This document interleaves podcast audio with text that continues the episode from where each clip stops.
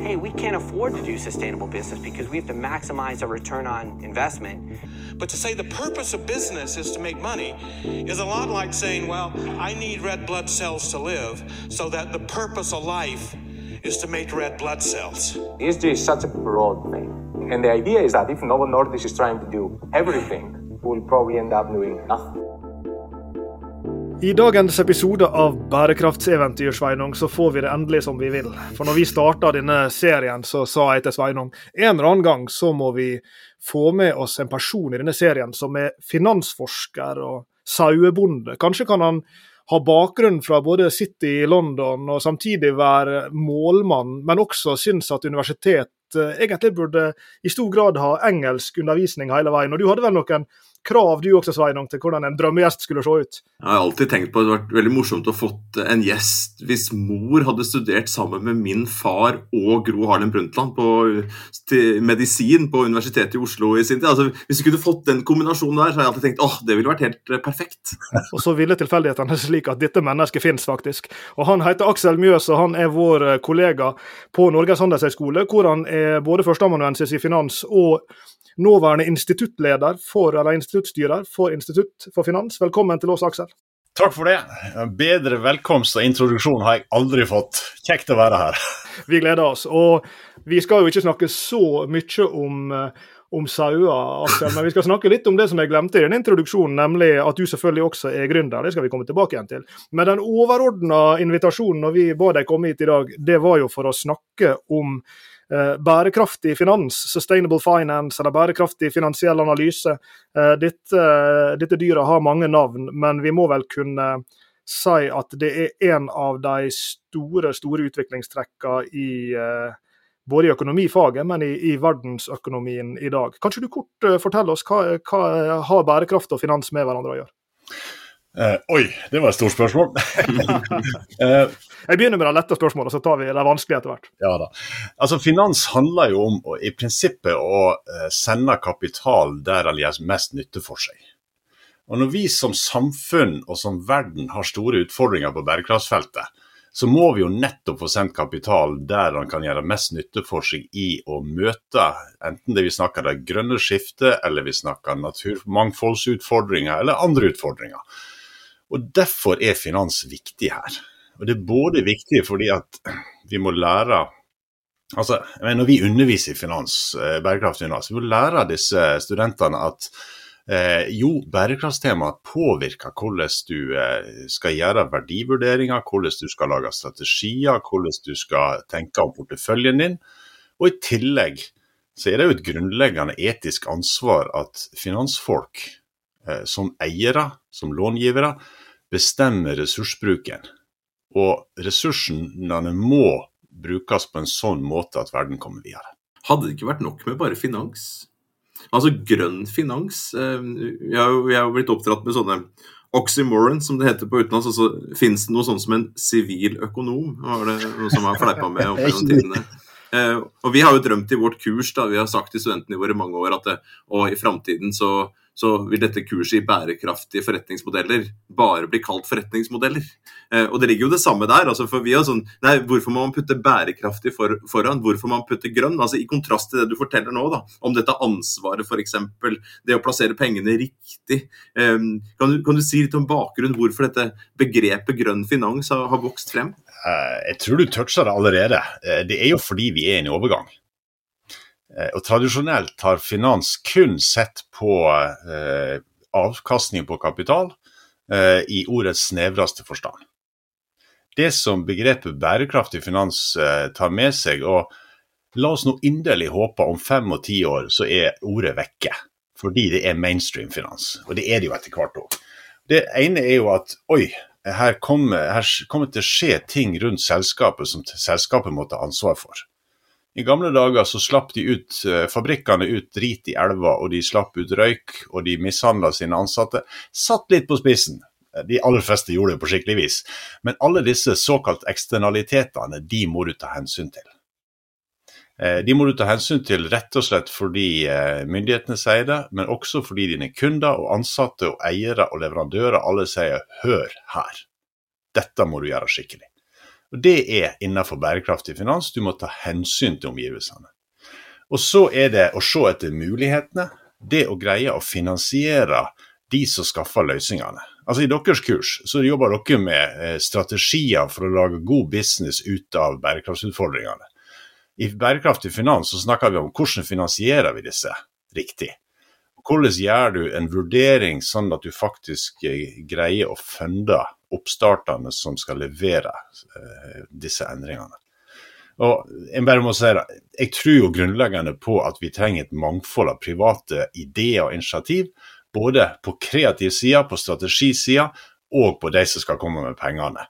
Dette, denne dugnaden den må alle stille i. Skal du få et lett spørsmål til, eh, Aksel. Fordi dere finansgjengen, dere er jo hos oss blårusserne så er jo dere selvfølgelig de, altså Vi andre har jo lyseblå dresser. ikke sant, sammenlignet med dere. Og, og, så, så Finans er jo et sånn interessant uh, område i vid forstand for, for, fordi at det er så mange forestillinger rundt finans. Og, og Det som er, jeg synes er litt artig, det er jo at det finnes nå to veldig grovt sett to narrativ. Det ene narrativet det er liksom gamle, gamle narrativet om at liksom finans er jo liksom roten til alt vondt. Det står i veien for, for profittjaget og alt det der. Du, du, du trenger ikke å, å kaste en, en, en, stein langt før du treffer en person som, som mener det.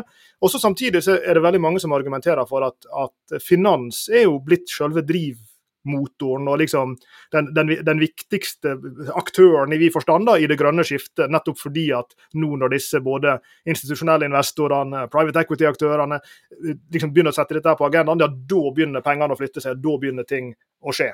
Eh, som regel så ligger jo sannheten et eller annet sted eh, midt imellom ekstremene. Så, så hva er den for å komme til spørsmålet, da. Hva, hva er liksom den uh, Gir det nesten sånn det beste argumentet for og det beste argumentet mot? Eller hvor er, hvor er motoren og hvor er bremseklossene i finans i dag, sånn du ser det, for, for, å lykkes med dette?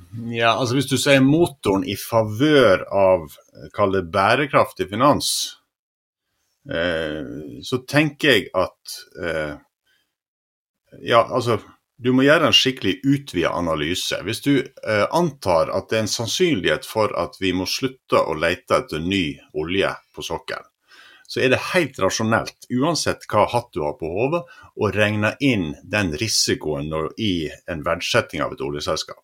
Og En ser òg at eh, selskap som driver med, med, fossil energi, de faller i verdi. Altså De har hatt en, en negativ utvikling, selvfølgelig litt opp og ned rett, men igjen, sant, det er ikke noe sånn der soft etikkvurdering i det. Det er rett og slett helt rasjonelt. Du tar hensyn til disse tingene. Sånn at eh, det må du i alle fall eh, ha med deg. Eh, eh så, og så tenker jeg at dette har mye om horisonter å gjøre. Altså, på lang sikt eh, så må vi ta hensyn til bærekraftsutfordringene. Ikke minst de som går på det naturgitte Enten vi snakker om absolutte grenser for eh, CO2-utslipp og eh, temperaturutvikling, eller vi snakker om naturmangfold, eller vi snakker om andre tema. Sånn at dette må du ta hensyn til. Det som er argumentene mot, og de som sier at dette her blir tullete, det er jo når du setter deg ned og tenker som matematiker. Eh, det går kun an å maksimere én, ett mål. Du kan ikke både maksimere naturmangfold og finansiell avkastning. Det blir bare surr. Og Da risikerer du at eiere går til ledelsen og sier ja, men du har ikke levert på avkastning, men ja, men vi har levert masse eh, biodiversity, som det heter på nynorsk, eh, så hva er problemet? Eh, og Det er sånn sett en, en, argument for å la finansfolk fokusere på pengene, fordi at ellers risikerer du at du får uklare mål. Og det blir fort knot. Det var iallfall et delvis svar på det du sa. Ja, det husker jeg litt fra den, den tiden jeg hadde eh, finans i, i læreboka eh, som siviløkonomstudent. da, I, Tilbake til de gamle dager.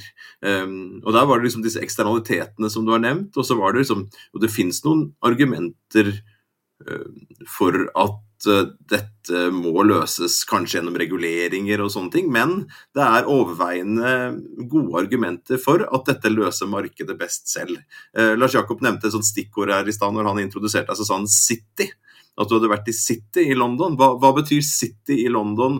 Eh, hva jobba du med der? Og, og det tredje spørsmålet, var den type betraktninger viktige da? Du må huske på at du snakker om gamle dager, Sveinung. Jeg er haugammel. jeg, var i, jeg var i Morgan Stanley eh, på Canary Wharf 96-99 eh, og jobba stort sett med fusjoner og oppkjøp innenfor eh, bank og finans og forsikring. Så det var på en måte det jeg gjorde. Og jeg tror bærekraftig finans, det begrepet fantes ikke. Så, så det, det, det, eneste vi var opp... Altså, kanskje en tangent her var at vi holdt på med en, eh, et oppkjøp av et uh, reassuranseselskap i City. Og da var diskusjonen hvor mye ansvar de hadde i forhold til asbestkrisen i USA. Hm. Hvis dere husker at på, på 70-80-tallet så begynte noen å skjønne at asbest var ekstremt kreftframkallende. Eh, og i USA så har du jo ansvarsforsikring. Og de som satt på motsatt side og måtte betale ut på disse ansvarsforsikringene, og ikke minst de som reassurerte forsikringsselskapene, altså var steget bakom, eh, de kunne være i deep shit, for å si det sånn. Så det er en stor jobb i den transaksjonen å finne ut hadde man satt av nok penger til forventa utbetaling på asbest. Eh, og de enda opp med at ja, de har visst mer enn de andre, så det er sikkert greit. For det var så komplisert å vurdere. Det er vel det nærmeste jeg har vært på bærekraftsrelaterte sånn eksternalitetsgreier i London.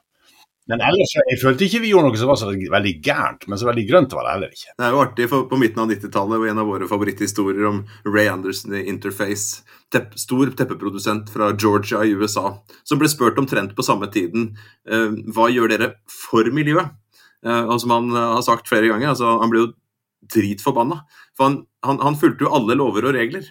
Eh, var, men, men, den store store kunden da, den ga seg ikke. spurte ja, hva gjør dere for miljøet, hva gjør dere positivt for miljøet, og hvordan er det dere jobber for å redusere da, fotavtrykket deres. da. Og Så gikk han jo inn dette her og begynte å jobbe med det. og Asbest som du nevner, er jo én ting, men kan det ha vært andre ting allerede da på 90-tallet? Du nevnte dette med asbest, men andre sånne ting som vi i dag putter sånn E, environment S, Social og Governance ledelses liksom, klistrelapper på, men som allerede var i gjære. Jeg tenker f.eks. rundt tobakk. Eh, var det noen diskusjoner rundt olje f.eks., eller var det noen eh, diskusjoner rundt eh, hvordan de ansatte hadde det i verdikjeden i, klesproduksjon eller sånne ting? Var, det, var, det, helt liksom ikke-eksisterende på, på, den tiden? For jo, Du sier at det er så lenge siden, men det er jo ikke så lenge siden. Eh, og så er jo min erfaring, det er liksom min enkle erfaring, så jeg kan ikke si at jeg jeg har minnet til at dette var viktige diskusjoner utover nettopp dette her, at så lenge du er i samsvar med lover og regler og praksis, så er det greit.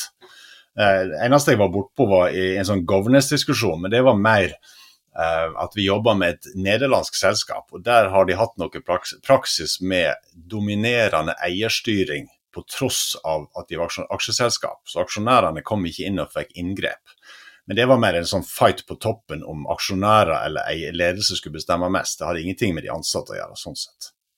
Og selvfølgelig så eh, hadde jeg gullkort både på BA og SAS, så jeg er nok ansvarlig for noen tonn med utslipp, ja. Der er du i godt selskap. Ja.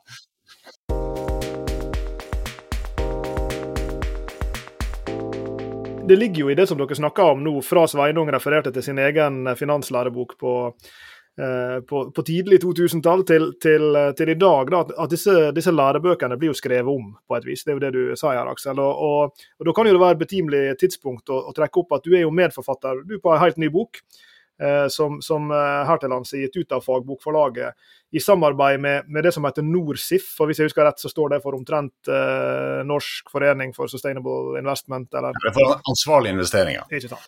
Eh, og Den boka heter ESG Integration, ESG, eh, som Sveinung allerede har sagt her, som Environment, Social og Governance.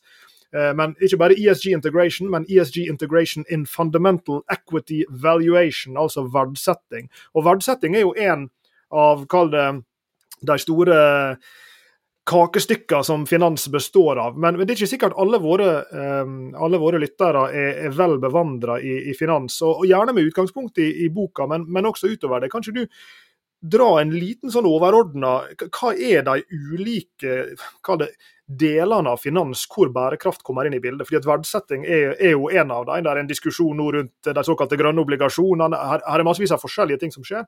Eh, kanskje du tar en liten sånn eh, flytur over landskapet, og, og, og, også inn i boka? La meg prøve, Lars Jakob. Eh, altså finans eh, Når vi snakker om verdsetting, så er det liksom eh, Hva er verdien av å ha retten til alle framtidige resultat i et selskap, f.eks.? Eller alle fremtidige renter i en grønn obligasjon? Eller en obligasjon. Og så prøver vi å si at rett og slett den retten den har en viss verdi, og hvis det er noe som har høyere verdi enn noe annet, så kjøper du det som eh, gir deg høyest verdi. Altså Det er på en måte grunnlaget. Eh, og så eh, bruker vi dette i første omgang til å si eh, hva er et selskap verdt? La oss si når jeg holdt på med fusjoner og oppkjøp i forsikringsselskap, så var det ofte da å verdsette et selskap som en hadde lyst til å kjøpe. Og Da så du på hva selskapet sjøl kunne være verdt, og så så du på hva eieren kunne få til gjennom synergier og integrasjonseffekter. Og Så prøvde du å sette et tall på det, og så bydde en en pris som var litt under det, og så fikk en av og til kjøpt. f.eks. Så det er liksom en viktig del av dette. Hva er ting verdt? Eh, og, det, og, det, er det vi fokuserer på i den boka. Og det andre er jo eh, det som vi kaller eh, porteføljeforvaltning. Og som de fleste etter hvert er bevisst på, hvis du har en formue, enten det er dine penger eller på vegne av andre, så skal du prøve å plassere det eh, på en måte som gir god såkalt risikojustert avkastning. Oljefondet er jo kroneksempelet i Norge på å prøve å gjøre det best i verden, og de er gode. Og Da er det å plassere det sånn at, eh, at en eh, samla sett får en god avkastning. Og det, Der er det masse teori, selvfølgelig, og det er også masse, mange bærekraftstema der. Og, og et nøkkeltema er skal vi eh, utelate, altså ikke kjøpe aksjer f.eks. i selskap som gjør ting vi ikke liker. Altså tenk deg, eh, skal vi droppe alt som har med energi, eh, altså eh, fossilbasert energi? Eller skal vi si nei, vi kjøper de som vi ser at kan forbedre seg? Og dette her med eksklusjon kontra å gå på de som kan bli bedre, er en diskusjon innenfor dette feltet. Men i alle fall så jobber vi med hvordan kan en som pengeeier utøve dette. Så Det er de to temaene kan du se som det dreier seg om i alle varianter. Men hvis du spør om boka, Lars Jakob, så jeg, skal jeg si litt om den? Ja, du gjør det. Ja. Eh, denne boka den eh, kom som en idé knytta til et eh, studie som dere to òg er med på, eh, Sustainable Financial Analytics. Og det er rett og slett etterutdanning for eh, erfarne finansfolk i å lære om bærekraftig finans. Og vi fant ingen lærebøker vi kunne bruke direkte, så da måtte vi lage òg. Så dette er et artig prosjekt med Vi er tre praktikere og tre akademikere. Eh, seks stykker fra fem land som har satt i gang. Og Den boka er første delen. Det er å gå gjennom hva er de viktigste bærekraftstemaene i forskjellige bransjer. Altså Noen generelle sånn type styring og sånt, men så er det, liksom, det er litt forskjellig om du er i finans, eller du er i olje eller shipping eller sånn eller sånn. Hva skal du spørre etter? F.eks. når det gjelder eh, varehandel. Og, eh, som, ok, Gå inn og sjekk på verdikjeden. Hvor henne får de produsert disse varene? Hvordan passer de på at produksjonen skjer på forsvarlig vis? At de ansatte i fabrikkene i Asia har det fornuftig? Eh, hvor ofte driver de sånn type revisjon? Hva, hva gjør de med de som bryter med normene? Osv. osv. En type sånn skaffe seg robust informasjon. Du kan ikke bruke det rett i verdsettinga, men du får et inntrykk av om bedriften er mer eller mindre i ruta eh, og har en, en, aktiv eller passiv holdning til dette. Og Så ser vi på verdsettingsmodellene. Så jeg sa verdien av å kjøpe eh, retten til et resultat. Så OK, eh, hvordan tar du hensyn til at du driver med utslipp som myndighetene vil regulere, legge avgifter på, eh, og så, som drar ned kostnaden din?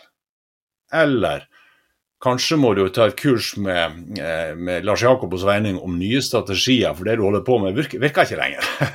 Men da må du investere masse i ny teknologi og gjøre ting på en annen måte. Så kommer det inn. Eller du ser på oi, vi holder på med noe som eh, samfunnet vil si at vi skal slutte med om fem år, sannsynligvis. Og Da må vi rett og slett tenke oi, da eh, må vi gjøre noe helt annet. Om vi tar ansvaret for å fjerne våre installasjoner f.eks. Men vi kan òg ha en annen situasjon der vi sier ah, vi holder på med noe som samfunnet sannsynligvis trenger big time. Og da har du en opsjonsverdi. Så vi prøver å si ok, hvordan kan du få dette inn i helt konkrete regnemodeller, så du setter en verdi på det. Og Har du en verdi på det, så kan du finansiere det, og så kan du rangere det. Så det er kortformen. Kort, kort, kort. Det er, vel, er det første gang denne boka nå ble brukt på, på, på, på den, dette kurset i bærekraftig finansiell analyse? Eh, ble læreboka brukt nå? Eh, den ble brukt. Eh, dette kurset kjørte vi for andre gang nå i oktober. Og da hadde vi en dag som nettopp gikk på ESG-relevant informasjon om selskap og verdsettingsbruken. Og så hadde vi med oss to av medforfatterne, Isabel Thomsen og Annie Bergsagel, i forhold til hvordan de faktisk gjør det når de er forvaltere i henholdsvis Folketrygdfondet og DNB. For Vi var jo med som du sa, vi var med på rundt kurset totalt sett, og fikk være med på første samlinga på det første kullet i fjor. Eh, og også samlinga nå i, i, i år. Eh, ser du noe forskjell. Det er jo kort, eh, kort, tid, men vi snakker jo veldig kort tid siden dette ble en del av pensum, ble en del av, av språket, ble en del av betraktningene også i, eh, i, i finans. Så, så, liksom fjorårets kull og nåværende kull, og som da får også møte dette her i boks form da, og diskusjonene. Eh, jeg kan, jeg kan, vri litt på spørsmålet. Hvordan tok de imot det? Når det sitter der analytikere fra, fra de største norske finanshusene, og som skal, som skal da sitte og se på eksisterende investeringer, risikoen der, eh, oppsidemuligheter der, også nyinvesteringer. Skal de ta det inn i verdsettelsen? Eh, fortell litt om diskusjonene rundt i, i møte med, med, med, boka og, og kurs. Altså, jeg opplever veldig ærlig en veldig ærlig søkende interesse for dette her. Lærer om det, lærer metoder for å håndtere det og imponert når de, de, ser hvordan gode analytikere faktisk gjør det men òg eh, ser konsekvensene av å ikke skjønne det. Eh, F.eks. Eh, disse to som har vært inne i forhold til det praktiske, har jo snakka en del om disse skandalene særlig Danske Bank og Svedbank, når de har hatt hvitvasking, og hva det har betydd. Hva det betydd i tap av markedsverdi på selskapet fordi at markedet ikke, har ikke tillit til dem. Hva det betydd i kostnader med å rydde opp skifta ledelse og i det hele tatt. Eh, og at dette er veldig så reelle kostnader. Og så opplever jeg jo at, at igjen, det er ingen som blåser av disse tingene. Det man diskuterer er hva er en god måte å analysere det på.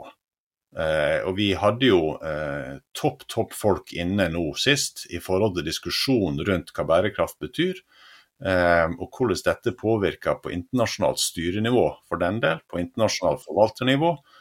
Ehm, og, og, hele veien så er det ikke snakk om om det er viktig, men det er hvordan tar vi med oss verktøyskassen og gjør dette skikkelig likevel. For å ta det internasjonale perspektivet, Aksel. Jeg, jeg husker når jeg først ble introdusert for disse temaene innenfor finansfaget, så var det min gode venn og vår felles venn Trond Øskeland, som er professor i finans også her på huset, som, som, eh, Jeg husker han snakka den gangen om, eh, om, disse ulike strategiene med negativ screening, som en kalte det, som du var inne på i stad. Altså slutte å investere i ting som en mener er problematisk. og det har jo vært en sånn, ja, det, Alle er jo kjent med hvordan oljefondet jobber med dette i mange år. Og så var det dette med positiv screening, og liksom aktivt positivt gå etter de grønne investeringene. Eh, også egne kategorier med impact-investeringer og sånt. Eh, jeg går jo ut ifra at, at over tid så, så, blir dette her mer sofistikert, det blir mer sånn reelt integrert. Akkurat som, som boka deres og, og, og, studiet ditt handler om. Få det inn i kjernen av beslutningene. Så går jeg også ut ifra at i et internasjonalt perspektiv så, så, blir det litt mer kappløp. For jeg husker den gangen Trond hadde besøkere av kollegaer fra, fra, USA som kom til Skandinavia for å se på hvordan vi gjorde det her, fordi at Norge og Sverige var så langt framme på disse temaene. Er det fortsatt sånn, eller har liksom eh, de skandinaviske eh, aktørene nå blitt, blitt, tatt igjen og kanskje til og med fraløpt av, av andre? Og, og, er forestillinga mi riktig om at at vi er på et mye mer sofistikert sted i dag i å virkelig integrere dette her i finansielle beslutninger av, av ulik karakter? Ja, jeg tror den hypotesen holder. Og så vil det være nasjonale variasjoner i forhold til hvor bevisst den er, og også i forhold til hvordan myndighetene gjør det. Jeg tenker Det som er eh, ikke nytt i år, men kanskje nytt i fjor eller i forfjor iallfall, er de sterke trendene som går på overnasjonalt samarbeid her, på rapportering og definisjoner. Det er viktig. Eh, og De fleste har vel hørt om EU sin taksonomi, som er et fint sånn Brussel-ord for normer. Eh, og rett og slett si hva er godt og hva er gale. Og Det har de satt i system og eh, beslutta, og det er en struktur på dette her som er felles i Europa, og som i stor grad følges også internasjonalt. Og så har du det som er kanskje like stilig. Det er når de, sånn som så internasjonale å, internasjonale regnskapsorganisasjonene lager eh, normer for bærekraftig eh, regnskapsrapportering. Og Det er jo frivillige normer der en bygger konsensus mellom de beste i faget eh, globalt. Eh, som gjør at du, du, sitter ikke igjen med at dette her er litt sånn tilfeldige ideer rundt om i Skandinavia og enkelte andre lommer, men det er faktisk mainstream hvordan rapportering skal skje. Og Jeg ser for meg at i løpet av noen år nå så vil vi få en klar global konvergering på hvordan skal man rapportere dette. Og har vi rapporteringa, så kan vi etterpå som beslutningstagere gjøre bedre valg. Er det slik at disse finansfolka i vid forstand ønsker disse typene regulering velkommen? Altså Er det slik at f.eks. taksonomien gjør livet lettere for en finansanalytiker, en porteføljeforvalter eller hvem det måtte være? Eller er det slik at en egentlig skulle ønske seg mer frihetsgrader til å, å gjøre, disse, gjøre, disse, vurderingene sjøl? Det samme kan jo du Det er kanskje lettere å tenke at, at uh, rapportering, altså strømlinjeforming av, av rapporteringa er, er, er, ønskverdig, men, men, er det slik at, uh, at taksonomien tas imot med, med åpne armer i, i finansfeltet, eller hvordan er det? Altså, Finansfolk er jo kjent for å være eh, kyniske skeptikere. Eh, og Det betyr at selv om en, jeg tror nok grunnleggende er en glad for at det kommer normer. Fordi Får du eh, aksepterte normer på et felt, så kan du analytisk forholde deg til det. Men hvis du har én skala, Lars Jakob, og jeg har én skala, og er det noen tredje skala, så er det umulig for oss å samarbeide og sammenligne. Så det er bra. Det som er nok en viss skepsis, det er knytta seg til kostnadene med dette. her. Fordi at eh, det er liksom nok et lag med rapportering. Og enten det er i forhold til banken, for altså bankene skal rapportere på hvor bærekraftig deres utlånsportefølje er, eller det er i forhold til aksjeinvestorer eller andre, så må du på en måte gjøre greie for hvor du ligger an på både E-en, S-en og G-en. Eh, og hvis da eh, alle investorer og alle banker gjør dette på forskjellig vis, så er det ekstra dyrt. Men dyrt er det i alle fall. Så, så jeg tror skepsisen her går mer på at det er ineffektivt enn at det, er, at det skjer. Og det er forhåpentligvis ting som kan gå litt over.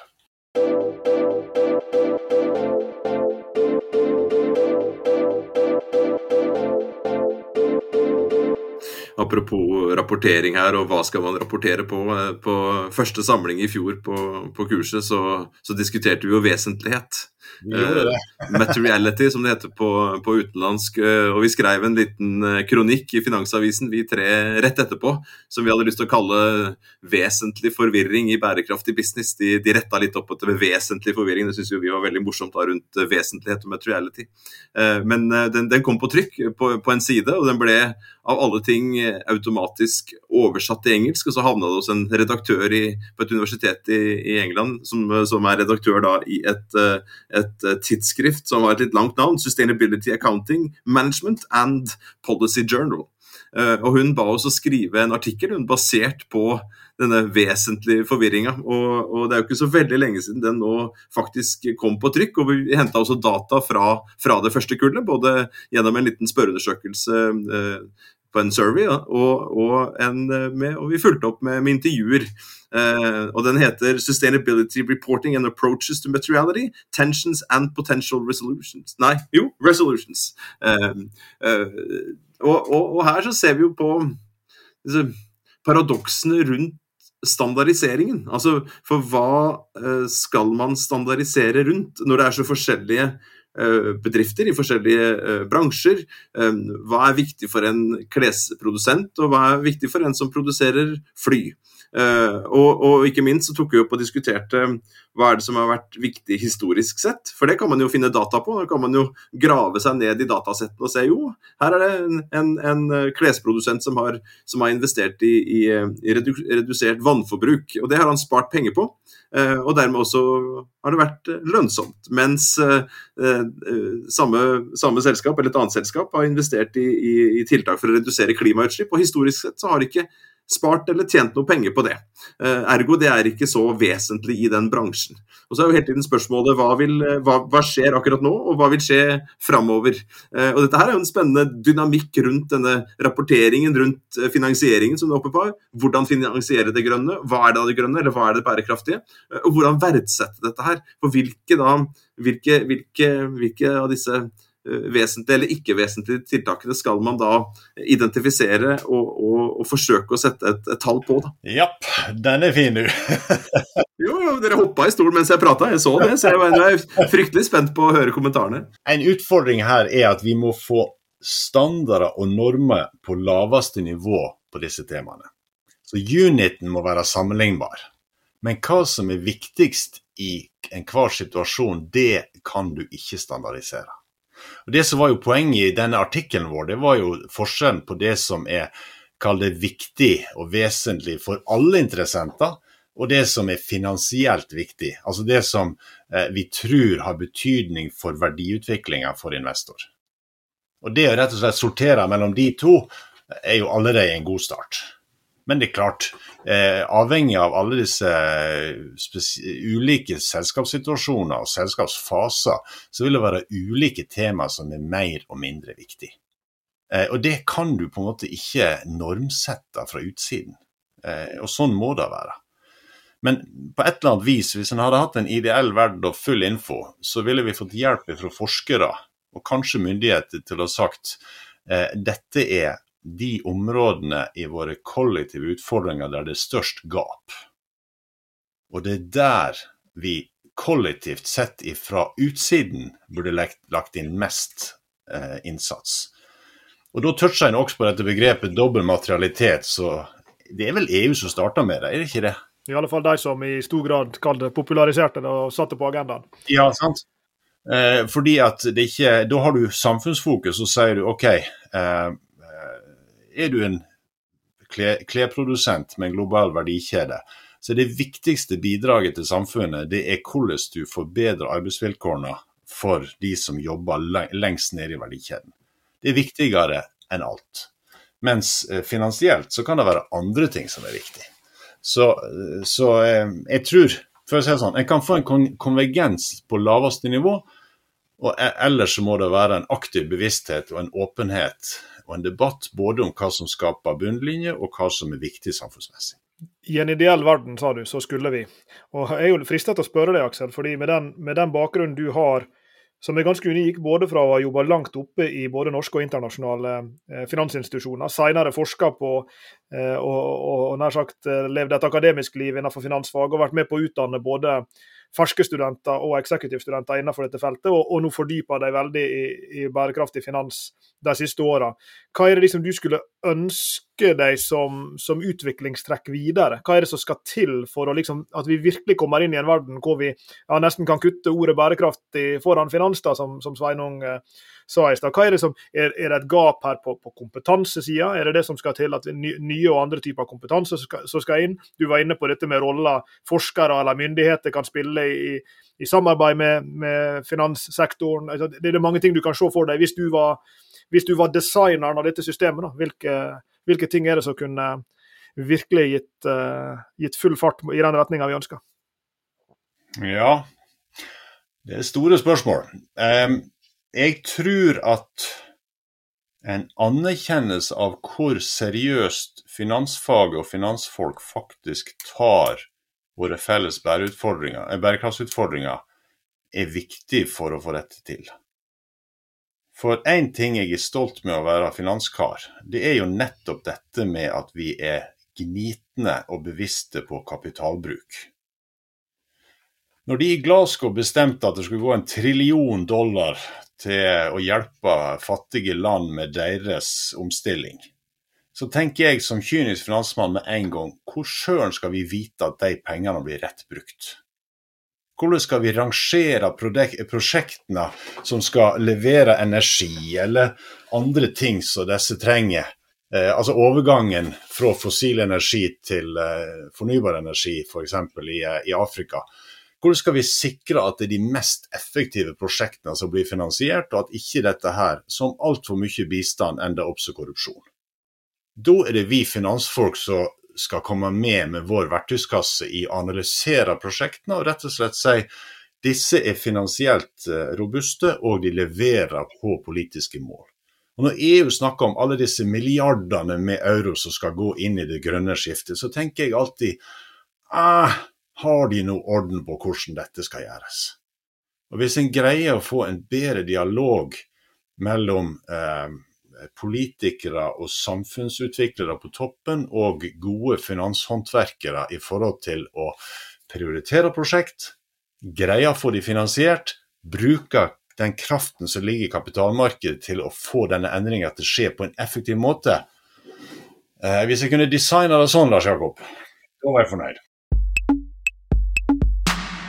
Jeg klarer ikke dy meg nå, Aksel, fra å dra det over i et eh, litt annet, men relatert tema. og Som lytterne helt sikkert skjønner av eh, introduksjonen vi ga deg, siden du er både forsker og instituttstyrer og sauebonde og, og mye annet, så, så, har du selvfølgelig veldig god tid. Ja, ja, ja. Eh, og det var, vel antageligvis, det var vel antageligvis all den der ekstra tida du hadde som du ikke visste hva du skulle gjøre med, som gjorde at du også, sammen med din kone, ble gründer.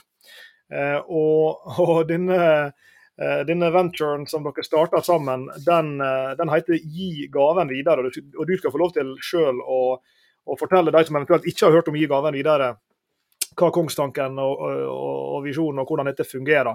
Eh, men jeg har jo også lyst til å, å høre deg reflektere over koblinga mellom det å nettopp være en sånn finansmann som du beskriver at du er, og denne, denne gründervirksomheten som du driver med i forlengelsen og, og parallelt med det. Skal jeg begynne med å fortelle akkurat hva Gi gaven videre er, sånn at dere vet hva det går i? Ja. Eh, og det eh, var noe som eh, En idé som vi fikk når jeg var 50 i 2014, og fant ut at eh, jeg er rik og har ikke bruk for noen ting. Og hva i all verden skal jeg be om? Altså, Når folk spør hva vil du ha til bursdagen, sant? det blir for dumt.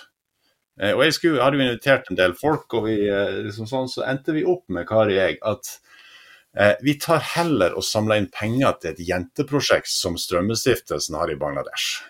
Og En av mine aktiviteter Lars Jakob, som ikke vi har snakket om, det er at jeg har vært eh, styreleder i Kavlifondet i mange mange år og hatt veldig god skolering i hvordan en gjennom eh, bevisst filantropi faktisk gjør en forskjell. Og blitt kjent med Strømmestiftelsen, og hva de gjør, ikke minst for unge jenter, for å gjøre de sterke og stolte og stå imot trafficking og annen drit. Så da kom det inn 25 000, og sannsynligvis så hjalp det noen jenter der nede på et vis. Og så var det vi tenkte videre. Hva, dette er jo ikke bare min situasjon og vår situasjon. Det er mange som, som er i samme situasjon. Eh, at gavene, det blir bare tull. Du får en situasjon med krystall og vin og ting du ikke har bruk for. Og i praksis ting som koster mye og har veldig liten verdi for mottaker. Der var finansmannen. Unnskyld, uh, unnskyld innspillet. det går bra. Det går bra. Uh, men sant, uh, du snakker egentlig om meningsløse gaver. Og Så begynte jeg å snakke med, med, gode venner i ulike sammenhenger, ikke minst PwC og Sparebanken Vest og sånn, og folk tente på at jo, dette makes sense. Hvordan lager vi da en måte å gjøre dette enkelt, digitalt og rett og slett frigjøre verdien av meningsløse gaver? Og vi har fått støtte, og vi har fått masse dugnadsinnsats både av bedrift og enkeltpersoner. Og vi lanserte høsten 2019 eh, eh, en løsning for bedrifter, og spesielt til julegave. Så istedenfor å gi eh, logobefengte sekker og bøffer og tull og vas, så kan de gi et digitalt gavekort som mottaker kan velge å gi til sin hjertesak. Nå har vi 111 saker inne fra Sykehusklovner og Barnekreftforeningen til hiv-forening og eh, Amnesty og Misjon og det meste. Så alle finner sin hjertesak der. Og Istedenfor å få en krystallvase som går i skuffen eller på Finn, så kan du få lov å finansiere noe som er bra. Det er kortformen. Men eh, var du ute etter sammenhenger da, Jakob? Jo, men Det er jo en spennende sammenheng der. Jeg, jeg, jeg gravde litt i, i 90-tallshistorien, og så gravde jeg litt i, i disse to kullene nå med, med finansanalytikere som ikke nødvendigvis har en, en, en, grønn eller en bærekraftig eh, jobb eller bakgrunn, men som virkelig nå skjønner at ja, nå trenger de eh, mer innsikt om dette. Både hvordan de skal finansiere og hvordan man skal eh, jobbe, med, jobbe, med, dette her i, i, i praksis. Og så I dette her løpet, da. Jeg prøvde å røyke ut liksom, hva skjedde på 90-tallet, så var du helt ærlig og sa det. Det skjedde fint lite.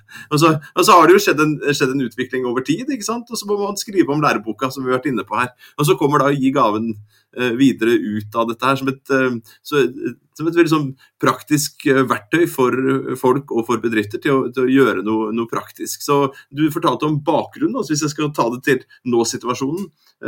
Du sa jo litt om det, alle de, de, dere har inne, men vi nærmer oss jo jul. Er det, et, er det stor etterspørsel etter, etter tjenestene til å gi gaven videre? Ikke så stor som vi vil, men det er mange som er på, og det er mange Sånn som nå kom Norconsult igjen med sine 3000 ansatte, som var kjempefornøyd i fjor. Og så får de lov å velge igjen i år. Og så er jo dette her non-profit, vi skal aldri tjene penger på det. Og i tillegg, de gavekortene du ikke bruker, de går også til et godt formål.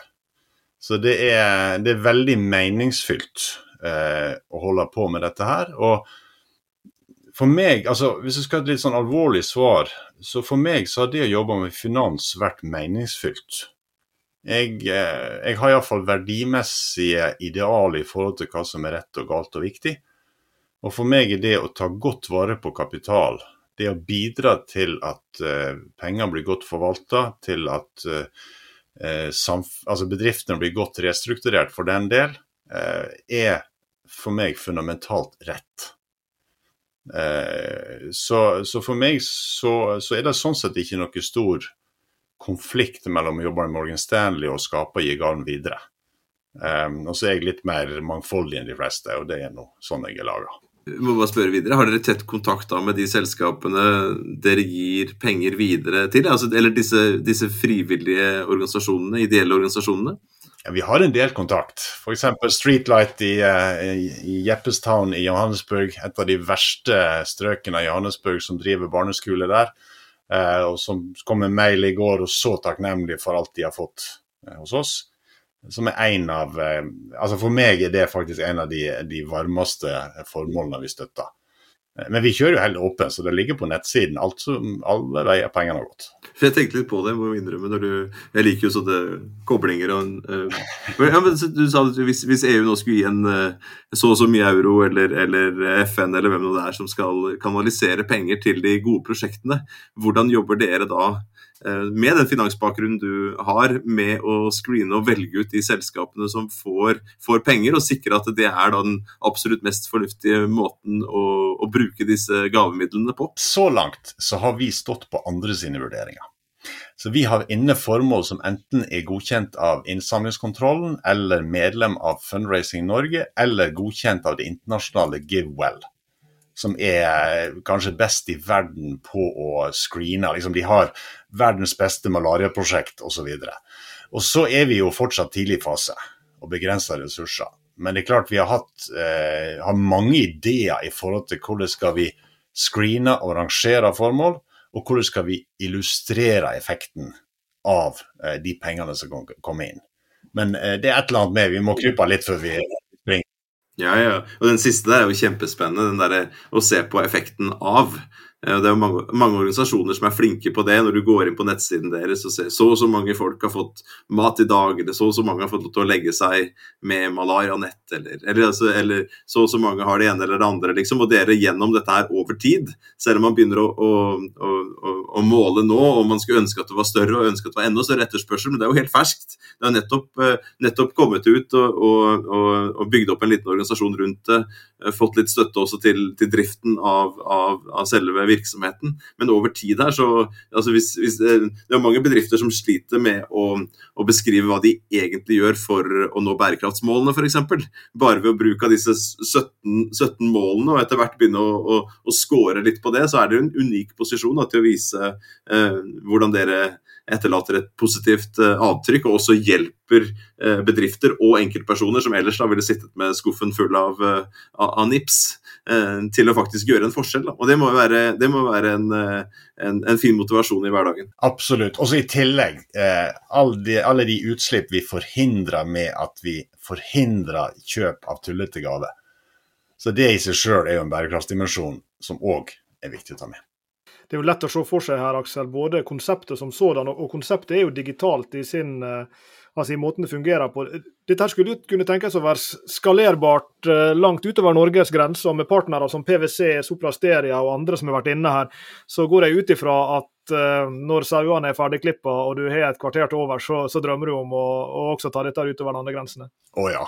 Oh ja. Altså PwC i Stockholm, Stockholm har vært på oss eh, intenst. Men vi må, vi må, få litt mer kritisk volum i Norge, og så må vi skjønne jussen og gavetradisjoner og formålene i de enkelte land. Men så er vi veldig klare for å gå ut. Og hva kunne vært mer passende enn at denne episoden har blitt spilt inn på selveste Black Friday. Så hvis vi skal gi våre lyttere en, en oppfordring, da, så måtte det være i disse juleforberedelsestider. Gå inn på gigavenvidere.no og se på den, om ikke det er noen av Enten det er dine eh, rike onkler i Amerika eller hvor de måtte være, som ikke trenger en gave. Kanskje kan de få en, eh, en gi gaven videre gavekort eh, istedenfor. Og, og så avslutningsvis vil jeg da også gjenta for interesserte lyttere at denne boka som jeg henviste til tidligere, og som Aksel fortalte om, den heter Norsif Guide to ESG Integration in Fundamental Equity Valuation av forfatterteamet José Albuquerque de Sosa, Annie Bersagel, Karsten Biens, Aksel Mjøs, Marte Siri Storsaker og Isabel Juillat Thompson. Eh, og det kan jo kanskje også være en eh, mulig julegave for spesielt interesserte. De finnes der eh, mange lesere der ute som, som, er opptatt av bærekraftig finans. Og det har vi tre til, til felles, at vi tror på rolla til finans i å drive denne grønne omstillinga. Så tusen takk, Aksel, for at du var med oss i dag og kasta lys på disse utviklingstrekkene. Takk for at jeg fikk være med. Takk for praten. Du har hørt på Bærekraftseventyr med Jørgensen og Pedersen. Send e-post til eventyr.krøllalfa.jorgensenpedersen.no for å stille spørsmål eller komme med forslag til tema for fremtidige episoder. Og besøk jorgensenpedersen.no for mer informasjon om denne podkastserien. Derfra kan du også fortsette samtalen med oss i sosiale medier på Twitter, Facebook, LinkedIn, YouTube og andre steder.